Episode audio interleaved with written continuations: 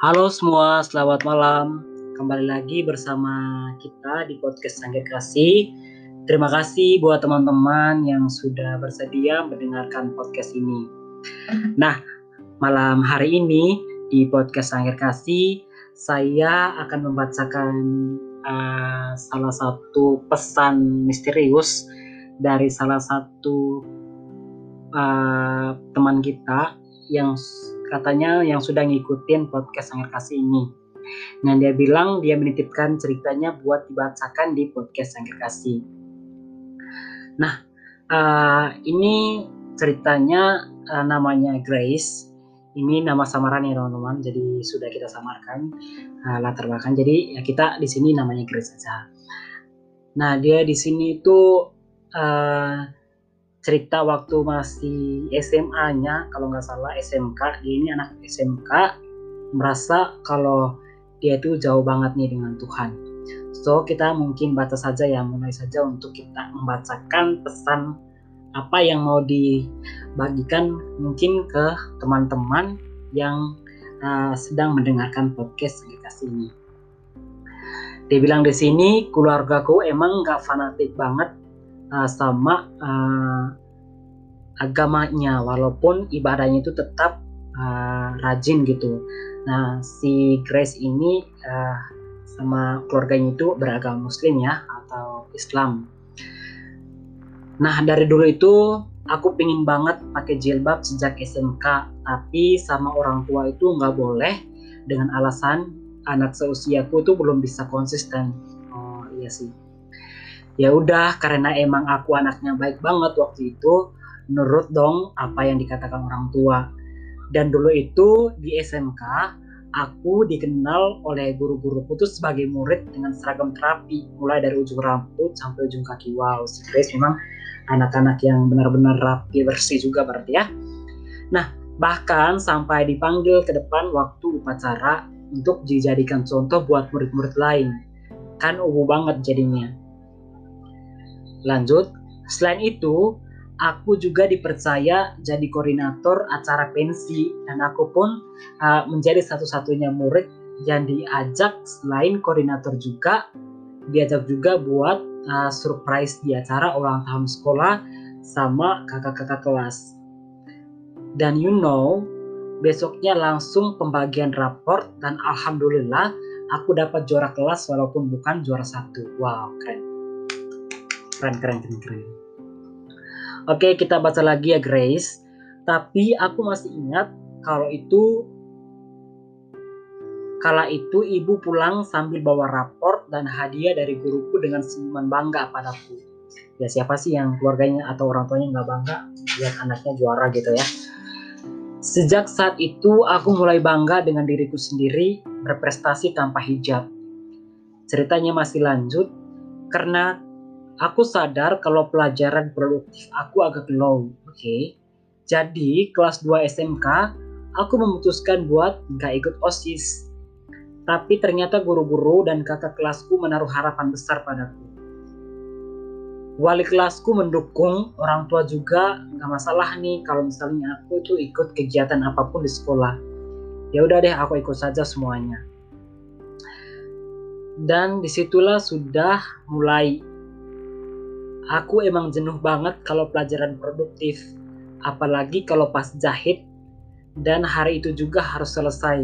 Oh anak anak jahit anak kayaknya punya butik si Grace ini ya. Rasanya kayak mau marah tapi nggak bisa. Dan pelampiasanku itu kalau itu kala itu ke osis dan kegiatan-kegiatan lain di dalam maupun luar sekolah. Semua itu membuatku terlena dan aku hampir meninggalkan akademik wow nilai-nilaiku turun drastis. Aku yang awalnya masuk 10 besar jadi ada di urutan akhir. Bahkan ada nilaiku yang belum tuntas. Wow, wah. Ya, kenapa ya Grace ini ya? Sumpah aku uh, sedih banget kala itu. By the way, ketika aku menulis ini, aku sambil nangis. Oh, semangat Grace masuk semester 2 di kelas 11 aku mulai prakerin. Apa apa nih prakerinnya? Karena tempat prakerin kayaknya praktek kerja kayaknya. Prakerin dekat sama toko buku aku hampir tiap hari ke sana. Karena entah kenapa aku jenuh sebenarnya kalau disuruh jahit. Waktu itu you know berapa harga buku-buku ori yang ada di toko buku apalagi kalau toko bukunya itu udah ternama kayak Gramit karena oh kayak Gramedia gitu iya Aku pakai uang kelas karena posisinya aku saat itu jadi bendahara. Singkat cerita, orang tua aku tahu dan jelas mereka marah besar. Kejadian aku korup uang kelas itu bareng sama lebaran. Oh, oke. Okay. Kejadian aku korup itu, korupsi uang kelas itu bareng sama lebaran. Nah, uang arisannya ibuku dibawa kabur orang dan ibu harus ganti uang arisan itu. Bayangkan betapa and down-nya ekonomi keluargaku saat itu. Wow, itulah kenapa aku pas uh, diamanakan menjadi bendahara itu trauma sekali. Oh, oke. Okay. Ya sih. Dengan semua kejadian yang menimpaku saat itu, aku benar-benar nggak minta solusi ke Tuhan, justru malah lari ke hal-hal yang sifatnya duniawi. Oh iya, satu lagi, aku pernah nggak diejek sih pokoknya waktu presentasi hasil prakerin produkku itu belum jadi dan aku gagal dan di situ tuh aku menangis dan sedih banget sampai uh, kakak-kakak yang laborannya itu sinis sama gua sama saya di sini oh oke okay. ya nggak apa-apa sih ya santai Grace kamu udah hebat sekali di sini sampai akhirnya muncul di pikiranku aku nggak mau nerusin sekolah Aku capek dengan semuanya. Aku ngerasa insecure, nggak berguna, cuma nyusahin orang sampai terlintas di pikiranku buat apa aku hidup, kenapa aku nggak harus kenapa aku harus ada di dunia ini. Aku capek, mending aku nggak usah lahir ke dunia ini dan banyak kata-kata serapah ada yang yang pingin aku teriak aja. Wow, oke okay, Grace. Ya emang nggak semua orang bisa kuat berada di posisi seperti Grace. Sampai pernah juga aku minta berhenti sekolah, tapi dengan kerendahan hati orang tua aku bilang, sedikit lagi ya, uh, lihat bapak yang udah kerja buat biaya kamu sekolah. Sumpah di situ aku merasa egois banget. Harusnya dengan kata-kata ibu itu, ibuku itu, aku makin semangat, tapi aku malah menikmati dan happy seolah nggak terjadi apa-apa Finally aku lulus dan you know sedikit banyak ceritaku gimana akhirnya sampai bisa kuliah. Wah, akhirnya sekarang saya sudah kuliah dan masih banyak belajar hal. Oke, okay, uh, eh, Grace, terima kasih banyak buat kamu yang udah bersedia mengirimkan ceritamu ke uh, podcast Sanggar Kasih buat ke tim kita di Sanggar Kasih. Terima kasih banyak uh, udah berani untuk uh, bercerita. Dan mungkin teman-teman yang merasa berada di posisi kayak seperti Grace ini mungkin banyak belajar juga nih dari Grace dari teman kita yang satu ini uh, dan mungkin teman-teman yang saat ini sedang merasa down juga atau masih merasa punya banyak masalah yang mungkin belum terselesaikan oke okay, nggak apa-apa. Mungkin kamu bisa menyelesaikan itu dengan pelan-pelan dengan satu-satu dulu jangan semua itu diselesaikan. Dan juga mungkin kamu harus banyak uh, belajar juga untuk uh, jangan merasa jangan cepat putus asa gitu jangan kehilangan harapan.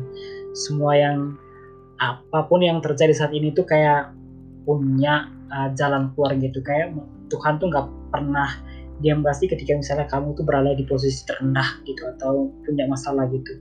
Pasti Tuhan tuh uh, membantu kamu gitu. Seperti itu. Ya mungkin katanya akan ada part berikutnya dari cerita si Grace ini. Kita tunggu saja uh, untuk sesi part 2 nya dari cerita si Grace ini uh, tapi katanya belum terkirim nih nggak apa-apa. Jadi kita mungkin up dulu uh, kita uh, publish dulu aja yang untuk part pertamanya ini. Dan mungkin untuk teman-teman yang menunggu part 2 nya itu ditunggu saja. Kita akan uh, membacakan lagi. Dan mungkin buat teman-teman lain yang akan mau mengirimkan nih ceritanya ke uh, podcast Sangir Kasih uh, bisa bisa dikirim melalui uh, email kita yaitu cangkirkasih@gmail.com oke okay? nah, itu, itu saja dulu di podcast Sangir Kasih malam hari ini uh, terima kasih buat teman-teman yang sudah mendengarkan podcast ini see you untuk podcast selanjutnya. Terima kasih.